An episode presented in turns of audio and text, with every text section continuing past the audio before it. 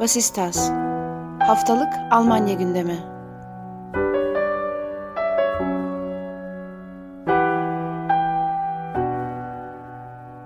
Herkese merhaba. Vasıtas'ın 19. bölümüne hoş geldiniz. Ben Ali Sözen. Bugün yanımda Dilan Çetin Sözen konuğumuz olacak. Hoş geldin Dilan. Hoş bulduk Ali. Bugün diğer programlarımızdan farklı bir formatta özel bir bölümle karşınızdayız. O yüzden bu haftalık haftalık haber bültenimizi es geçiyoruz ve konumuza dönüyoruz. Geçtiğimiz hafta Almanya'da kamu, yerel kamu hastanelerinde doktorlar greve gitti Dilan. Sen de takip ettiğini sanıyorum. Bu grev çağrısını kim yaptı? E, grev nasıl gerçekleşti? Grevin sebebi nedir? Niye böyle bir grev oldu? Önce onunla başlayalım istersen.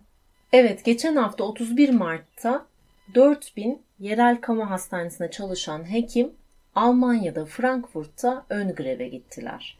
Ön grev dememin sebebi bu bir uyarı grevi. İşverenlere karşı yapılan bakın istersek daha fazlasını yaparız tarzında bir çıkıştı. İşin arka planında 2021 tarife pazarlıkları yatıyor. Tarife pazarlıkları bir taraftan işverenler birliği, bir taraftan da hekimler sendikası Marburger Bund tarafından yönetiliyor. Marburger Bund nedir diye düşünürsek Marburger Bund benim de üyesi olduğum büyükçe bir sendika. 130 bin hekim üyesi var. Sadece hekim sendikası. Bunların büyük bir kısmında kamu hastanesinde çalışan hekimler oluşturuyor. Almanya'da toplamda 324 kamu hastanesi var. Bunlarda da 65 bin hekim çalışıyor. Aslında toplam Almanya'da çalışan hekimlerin %15.9'unu oluşturuyor. Aslında küçük bir sayı gibi geliyor. Ama bu tarife pazarlıkları yine de çok önemli. Çünkü bu pazarlıklar sonrasında diğer hastane birlikleri de hep bu tarifeyi örnek alarak iş sözleşmeleri hazırlıyorlar. Diğer bir deyişle bu sözleşme, bu pazarlıklar bir referans oluyor diğer bütün hastaneler için. Üniversite hastanelerine hariç tutuyorum. Pazarlıkların başlangıcı 14 Ekim 2021 e, bir önceki pazarlık 2019 yılında yapılmıştı.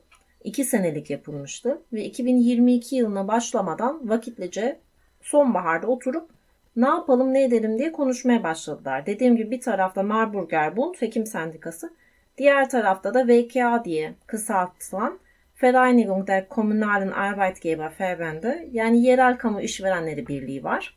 Bunlar ne istiyor, ne sunuyorlar ee, onlara bakarsak eğer biraz e, komik olduğunu görüyoruz. İstenen şeyle verilen, talep edilenle arz hiçbir şekilde uyuşmuyor. Neden komik diyorum? Çünkü benim bildiğim kadarıyla belki sen beni düzeltebilirsin çok da örneği yok. Bir önceki tarife pazarlıklarında 2019 senesinde kazanılan hakların geri verilmesini talep ediyorlar. Bir önceki turun iptali gibi oluyor. Hatta tur değil bir önceki anlaşmanın iptali gibi mi olacak? Bir önceki yani. anlaşmanın sürdürülebilir, ödenebilir ve de devam ettirilebilir olmadığını iddia ediyor işverenler tarafı. Örnek vereceğim. Örneğin 2019 senesindeki anlaşmada bir hekimin maksimum ayda 4 nöbet, gece nöbeti tutabileceğini karar verildi. Ve bunun 6 aylık dilimlerde ölçülebileceğini söylediler. Yani 6 ayda 24 nöbet olarak kararlaştırıldı. Hekim sendikası diyor ki bu kötüye kullanılıyor, istismar ediliyor. Bunu biz her ay ölçelim. Yani ayda 4 nöbet olsun. Dolayısıyla bir ay 6 nöbet, gelecek ay 2 ay 2 nöbet yapmayalım. Çünkü gelecek ay tatile gittiğinde zaten 2'den fazla nöbet tutamayacak olan hekim geçen ay 6 ay nöbete zorlanıyor denildi. Hekim sendikasının talebi bu. Yani 4 nöbet kalsın bu zaten kazanılmış hakkımızdır. Bunun üzerine de her ay bunun takibini yapalım diyor. İşverenler Birliği ise diyor ki 4 nöbet sürdürülebilir değil. Bir hekim eğer rızası varsa 7 nöbette tutulabilir. Peki bunun altyapısını Almanya'daki doktor ihtiyacı mı oluşturuyor sence? Yani yeterli doktor olmadığı için e, doktorların fazla nöbet tutmasını mı istiyor işveren tarafı? Gerçekten de öyle. Yeterli doktor yok denemez ama doktorların çalışma şartları dünya dünya standartlarından iyi. Bir doktor 24 saatten daha uzun süre çalışmıyor. Ya bu yasal olarak birçok yerde böyle ama buna gerçekten uyuluyor. Dolayısıyla 24 saatten sonra yeni bir hekimi direkt oraya hazır olarak sunmanız gerekiyor. Ve bu gerçekten özellikle Almanya'nın küçük şehirlerinde sürdürülebilir olmaktan çıkmış bir durumda. Peki şunu sorayım bu noktada. Sence bunun sebebi Almanya'daki hastanelerin bütçe yetersizliği mi? Şunu demek istiyorum. Almanya'daki hastaneler yeterince pozisyon açmıyorlar ve bu yüzden mi burada bir doktor eksikliği ihtiyacı ortaya çıkıyor? Yoksa yeterli pozisyon var ancak yurt içinden tıp fakültelerinden yetişen ya, ya da yurt dışından göçle gelen doktor sayısı yeterli olmuyor mu? Ya da burada çok ciddi bürokratik engeller var mı diye böyle genel biraz da Almanya'daki doktor ihtiyacı üzerine çekmiş olayım konuyu. Ali bence hepsinden biraz diyerek kaba bir cevap vereceğim. Öncelikle Almanya'da gerçekten çok ciddi bir hekim açığı var. Her yerde ilan var. Almanya'da ben bugün çalışacağım diyen bir insan mutlaka bir yerde bir iş bulur hekim olarak. Gerçekten büyük şehirlerde bile bu iş böyle. Biraz da Almanya'daki sağlık sisteminin farklı olduğunu hatırlamak gerekiyor. Her hastane kamu hastanesi, yerel hastane olsa bile bir şirket. Ve her hastane kendi içinde çok ciddi ekonomik planlamasını yapıyor. Ben hem Türkiye'de hem Almanya'da çalışmış bir insan olarak bunun özellikle hekim bazında ne kadar farklı olduğunu sürekli fark ediyorum. Artık hastaya baktığımda bu hastadan hastanenin elde edebileceği geliri tahmin edebilecek yere kadar geldim. Bunu 3 yıllık bir çalışma sonucu elde edildim. Üstelik burada okumamama ve sisteme uzak nispeten uzak olmama rağmen. Buradaki işveren gerçekten de kendi şirketini korumak durumunda. Sonuçta ben hekim sendikasının bir üyesi olarak tabii ki hekim sendikasının talep ettiği her şeyi almasını isterim. Ama bu işin sürdürülebilir olması da mecburi. Yani hekimlerin bir şekilde bir yerde burada kompromis verecek olması tabii ki gerçekçi. Çünkü ben ertesi günkü nöbet doldurulamazken ayda 4 nöbet tutmak benim de işime gelmiyor. O hastane dönmüyorsa, o hastane en sonunda kapanıyorsa hiçbir anlamı yok yani benim haklarımı korumuş olmasının. Burada ama farklı bir yere gidiyoruz. Ben o konuda biraz daha farklı düşünüyorum. Yani bu nihayetinde elbette ki hekimler olarak ya da çalışanlar olarak bulunduğumuz kurumların devam etmesi önemli. Ancak nihayetinde sağlık da bir temel hak. Bunu da kamu tarafından bir şekilde garanti altına alınması gerekiyor.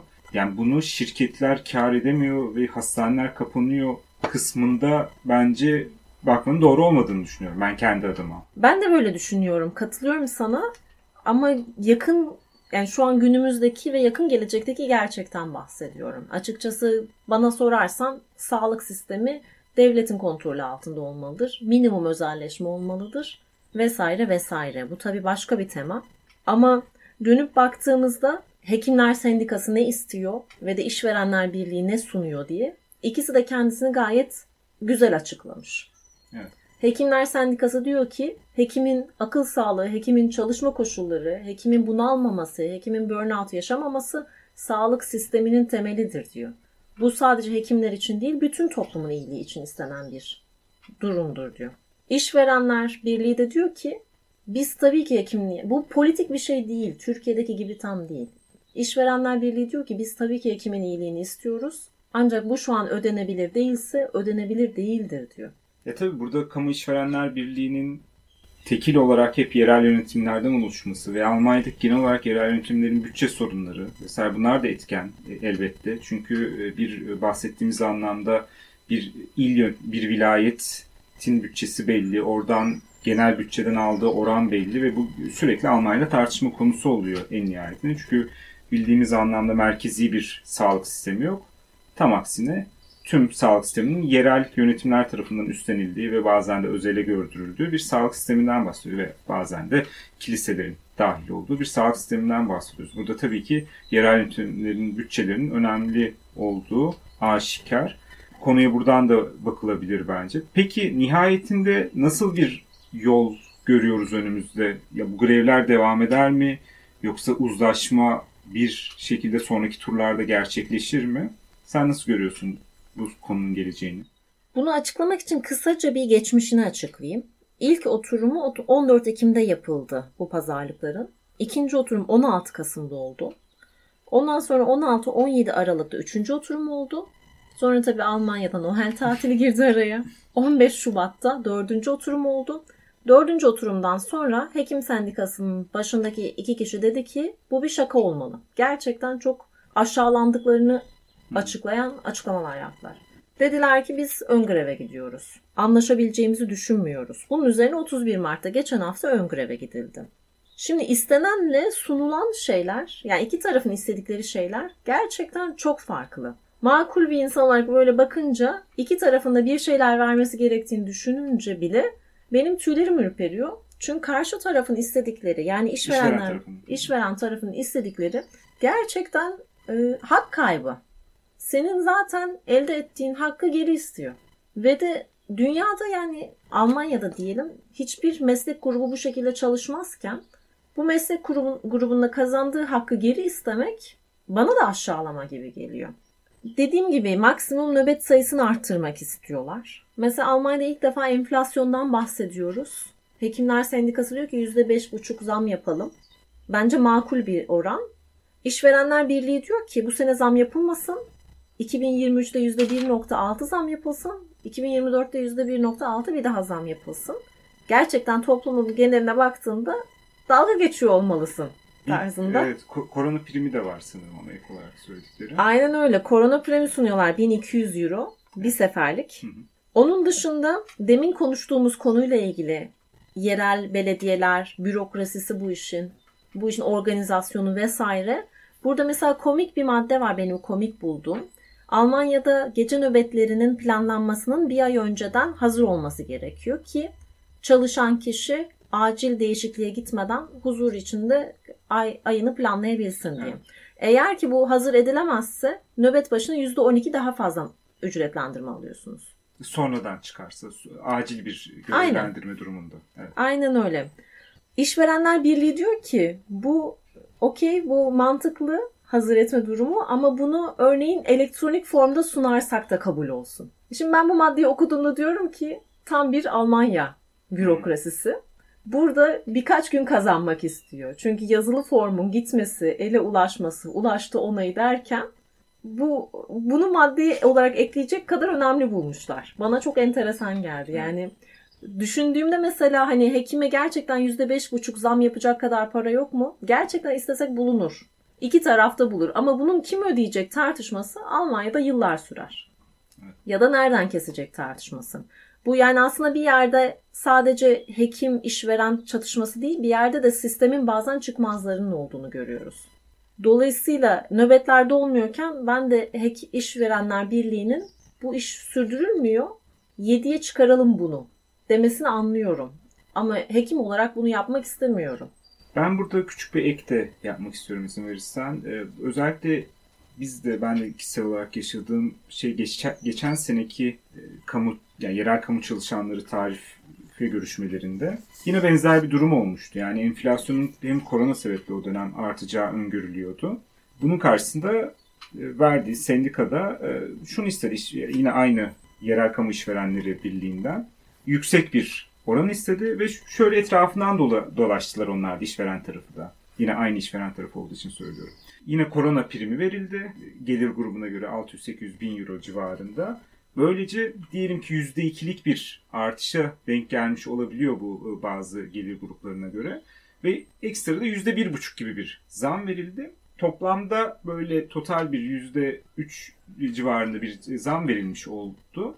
Ve sonraki senelerde de enflasyonun düşeceğini öngördükleri için sonraki senelerde eski şeye geri döndüler. Yani oradaki korona e, priminin ya da yardımın ek ödemesinin sebebi de biraz daha o yüzdelik dilim yani maaş artışını net olarak göstermek. Çünkü nihayetinde bu sonraki tarife görüşmelerine de bir altyapı hazırlayacağı için bunu dönemlik bir enflasyon artışı olarak bundan bir kaçış eğilimi var. Özellikle işverenler birliğinde, kamu yerel işverenler birliğinde. Bunun yine aynı şekilde e, hekimler üzerinden de devam ettirildiğini görüyoruz. Burada zaman. burada şunu hatırlamak lazım. Hükümetin yaptığı korona premi, korona ek ödemesinde hekimler ekstra grup dışı bırakılmıştı. Evet. Burada biz kendimize çok sormuştuk. Sağlık sisteminde hemşireler örneğin korona ek ödemesi alırken o hemşirenin yanında çalışan hekim neden ödemeyi alamıyor? Evet. Belki de gerçekten bunlar arka planda danışıklı bir şekilde yürüyen işlerdir. Çok makul. Bir yerden oradan buradan kısmanın yolunu arıyorlar. Yakın ülkelerden bildiğimiz gibi sağlık sisteminde çalışanı mutlu edemezseniz sağlık sistemi yıllar içinde çökmeye gidiyor. Evet. Belki de burada işverenler birliği gerçekten 2019 yılında büyük bir kayıba uğradı. İlk defa bu kadar net kazanımları oldu hekimlerin. Bir anda nöbet sayısı indirildi, bir anda katı kurallar koyuldu, maksimum iki hafta sonu çalışabilir dediler. Daha önce bunun bir kısıtlaması yoktu. Bu çok büyük bir kazanımdı. Ben o zamanlar çalışıyordum ve bir anda günlük hayatta çalışma performansımız, keyfimiz arttı. Şimdi bunun üzerine evet bu güzeldi ama sürdürülebilir değil dediğinde bunu bir kere tatmış insan olarak vermek istemek yani kimse istemez. Evet. Bunu kimse ikna edemezsiniz. Tabii biraz da belki de bu son dönemki kriz ortamlarını, korona sürecini ve aynı zamanda belki şu andaki savaş sürecini emek hareketlerinde bir kayıp olarak görebiliyoruz. Ee, Bu konuda bahsettiğin noktalar çok önemli. Bu konuda e, muhakkak ki çalışan tarafının emek hareketinin sürekli bilinçli bir şekilde devam etmesi gerekiyor. Diyerek ya bu konunun da önümüzdeki vakitlerde sıcaklığının düşmeyeceğini ve aynı zaman ama bir yandan da bir orta noktada uzlaşılacağını tahmin ettiğini anlıyorum söylediklerinden. Ama nihayetinde burada bahsettiğimiz hekimlerin çalışma şartlarında az da olsa çok da olsa onu göreceğiz. Standartların düşüşünden bahsediyor olacağız gibi gözüküyor. Sence bu hekimlerin Almanya'da çalışma şartlarının kötüleşmesi diyelim bu duruma. Bu durumun ardıl etkileri neler olur? Yani bu e, özellikle Almanya'da ya ve belki de biraz da Türkiye'ye bağlayaraktan Türkiye'den gelen hekim göçüne etkiler mi? Ya da buradaki pozisyonların dolmasını değiştirir mi? A- Sadece Türkiye'den değil, Almanya'nın komşularından, Doğu Avrupa'dan, Balkanlardan çok fazla hekim geliyor buraya. Evet. Bu insanların, bu hekimlerin buraya gelmesi azalır mı? Ya da Almanya'daki bizim gündelik hayatımızda, sağlık sektöründe dolaylı olarak ya da doğrudan nasıl etkileri olur sence? Bu çok güzel bir soru. Göçü azaltmaz. Hekim buraya olan hekim göçünü azaltmaz. Çünkü burada bildiğimiz bir şey var. Türkiye'de de örneğin maksimum 7 nöbet yasa olarak öngörülmüş. Fakat bunun dışına çıkmak çok kolay. Burada senin elinde bir kağıt var ve diyor ki maksimum şunu yapabilirsin. Bunun üzerine bir şey yapılamaz. Bunu işveren de farkında, hekim de farkında. Dolayısıyla hakların her ne kadar hak kaybı yaşasan da yaşayacak olsan da hakların korunuyor. Bu güvenilir hissi sanıyorum ki dünyanın çok yerinde hekim olarak bulmak mümkün değil. Amerika ve İngiltere'yi dahil ediyorum. Çalışma koşulları kötüleşse bile Türkiye'den çok daha iyi bir yerde. Ekonomik durum, mesleğin şanı eski anlatılan yerlerde. Türkiye'den baktığında çok hala cazip bir seçenek. Hekim olarak Almanya'da çalışmak maalesef diyorum çünkü kim göçmek ister ki? Ama maalesef hayallerinde ötesinde bir yerde. Bana sorarsan. Tam da bu noktada aslında şunu da sormuş olayım. Türkiye'deki sen de Türkiye'de de çalıştın, Almanya'da da çalıştın hekim olarak. Türkiye'deki çalışma şartlarıyla Almanya'daki çalışma şartlarını biraz kıyaslayacak olursan, Türkiye'den Almanya'ya göç etmek isteyen bir hekimin Almanya'da nasıl bir çalışma ortamı beklemesi gerektiğini anlatacak olursan neler söylerdin? İyi tarafları var, kötü tarafları var. Öncelikle iyi taraflarından bahsedeyim. Çok daha az çalışıyorsun. Ve çok daha az çalışmana rağmen çok daha iyi bir gelirin oluyor. Daha güvende çalışıyorsun. Neden hekimlik yaptığını daha iyi hatırlıyorsun. Çünkü hala hekime duyulan saygı çok fazla. Ve de en önemli konu şiddet minimum oranda. Hekime olan şiddet burada asla tolere edilmeyen bir konu. Fiziksel şiddeti geçtim, psikolojik şiddet dahi çok güzel destek aldığınız, yaşadığınız zaman insanların çok şaşkınlıkla karşıladığı bir konu olarak duruyor. Bunu Türkiye'den dinleyen bir hekim arkadaşım varsa eminim şu an gözleri yaşarıyordur. Kötü yanları neler? Ali bana sorarsan ben şimdi Türkiye'den göç etmiş psikiyatride çalışan bir hekimim. 3 senedir burada psikiyatride çalışıyorum. Özellikle göç üzerine de çok okudum çizdim diyelim. İnsan bağlarını kaybediyor. Ana dilde hizmet sunamamak, ana dilde hizmet alamamak bile çok kötüyken bir de sen ana dilinde hizmet sunamamak, sürekli bunun farkında olmak çok kolay bir şey, bir his değil. Sürekli bununla yüzleşmek insanı yoruyor. Ve çok yalnızsınız. Ben örneğin Türkiye'de kalan hekim arkadaşlarıma bakıyorum. En zor nöbette, en zor şartlarda bile beraberler. Burada kesinlikle tek başınasınız. Zaten nöbetlerin çoğu tek kişilik tutuluyor. En zor branşlarda dahi iki kişilik tutuluyor ama biri üst katta biri alt katta oluyor. Kararlar tamamen size bağlı.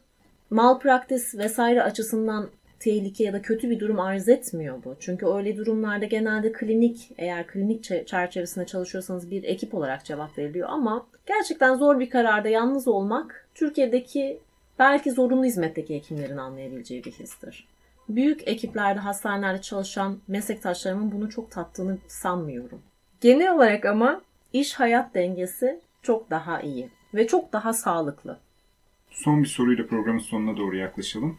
Almanya'dan Türkiye'ye olan hekim göçü hepimizin bildiği bir sosyal realite ve bunu sen kendi etrafında da görüyorsun beraber Türkiye'den e, sen de Türkiye'den göçtün ve senin gibi Türkiye'den göçmüş bazı e, hekimlerle beraber de çalışıyorsun e, Almanya'da şu anda. Bu göçün geleceği sence ne olacak? Yani bu nihayetinde böyle bir trend var. Bu insanlar, gelen insanlar binlerce hekimden bahsediyoruz gerçekten. Ve hani bugün belki bunu da eklemekte fayda var. Almanya'nın taşrasında, küçük yerlerinde Türkçe hizmet veren doktor bulmak oldukça kolay gibi gözüküyor. Belki büyük şehirlerde görece daha az yoğunlukta ama e, daha küçük şehirlerde daha yoğun olduğunu gözlemlemek mümkün. Gelen hekimler sence uzun vadeli olarak kendilerine Almanya'da bir gelecek bulacaklar mı? Yoksa yine tabii bu birçok değişken ama senin görüşünü merak ettiğim için soruyorum. Türkiye'de tekrar hekimler için onurlu bir çalışma ortamı sunulması mümkün olur mu sence ileride? Ali bu çok zor bir soru. Çünkü ben bu soruya duygulanmadan cevap veremiyorum.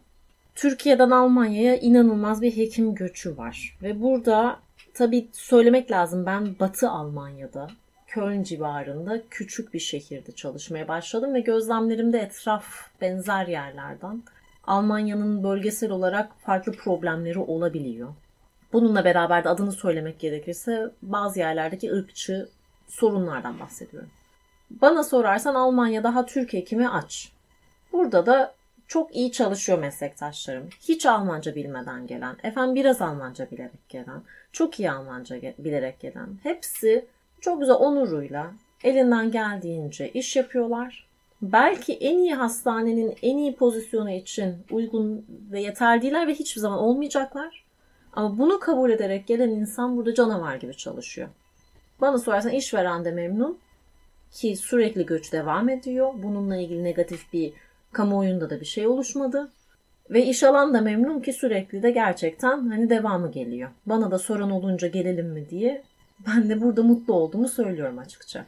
Tabii Türk hekimleri yani bizim Türkiye'de eğitilirken ki o bize verilen nosyon bilmiyorum dünyanın diğer yerlerinde nasıldır ama bu işi ne para için ne şan için ne şöhret için yapıyorsun. Orada sadece gururlu, onurlu çalışma isteği.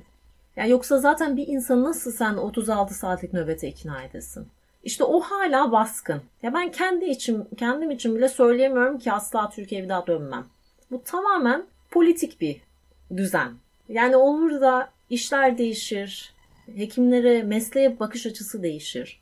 Bu meslek yüceltilen yere gelir tekrar. Öyle çok yüce bir iş olduğundan değil, hiçbir iş birbirinden yüce değil ama bir insan 36 saat çalıştıracaksanız yani ya parasını vermek gerekiyor ya da onurunu vermek gerekiyor ya diye bakıyorum. Ya da şiddet gerekiyor. Ha, mesela. Yani yoksa bu uzun vadede bir insan ya benim artık kaybedecek neyim var ki dediği yerde o insanı nasıl tutacaksınız ki? Dolayısıyla bu göç devam edecektir. Oradan Türkiye'den dinleyen meslektaşım varsa da burada inanılmaz açık var. Almanca öğrenin gelin demek düşer bana. Evet. Çok teşekkür ediyorum Dilan. Bu programda Almanya'daki hekim grevinden başlayarak bu grevin sonuçları ne olur, geleceği ne olur ve oradan Almanya'daki ve Türkiye'deki hekimlerin çalışma şartlarına değinmek ve Almanya'ya yönelen Türkiye'den gelen hekim göçü üzerine konuşma fırsatı bulduk. Bu programı bize gelen bir rica maili vasıtasıyla yapmış olduk. O maili gönderen dinleyicimize de teşekkür etmiş olayım. Diğer dinleyicilerimize de bir hatırlatma yapayım. basistas.outlook.de adresine mail gönderirseniz biz buradaki programlara yönelik maddi hatalar olabilir, eleştirileriniz olabilir. Bunları dikkate alacağız. Ya da sonraki programlarda konuşmamızı istediğiniz konular olabilir. Bunları da dikkate alıyoruz bu programda olduğu gibi. üzerlerine konuşmaya ve en azından size isminizi de anonim tutarak bir geri dönüş yapmaya çalışacağımızı e, söyleyebilirim. O yüzden maillerinizi beklediğimizi tekrar hatırlatmış olayım. vasitas.outlook.de mail hesabımız. Buraya görüşlerinizi, önerilerinizi bekliyoruz. Diyerek programı sonlandırayım. Tek tekrar teşekkür ederiz sana. Ali ben çok teşekkür ediyorum. Görüşmek üzere.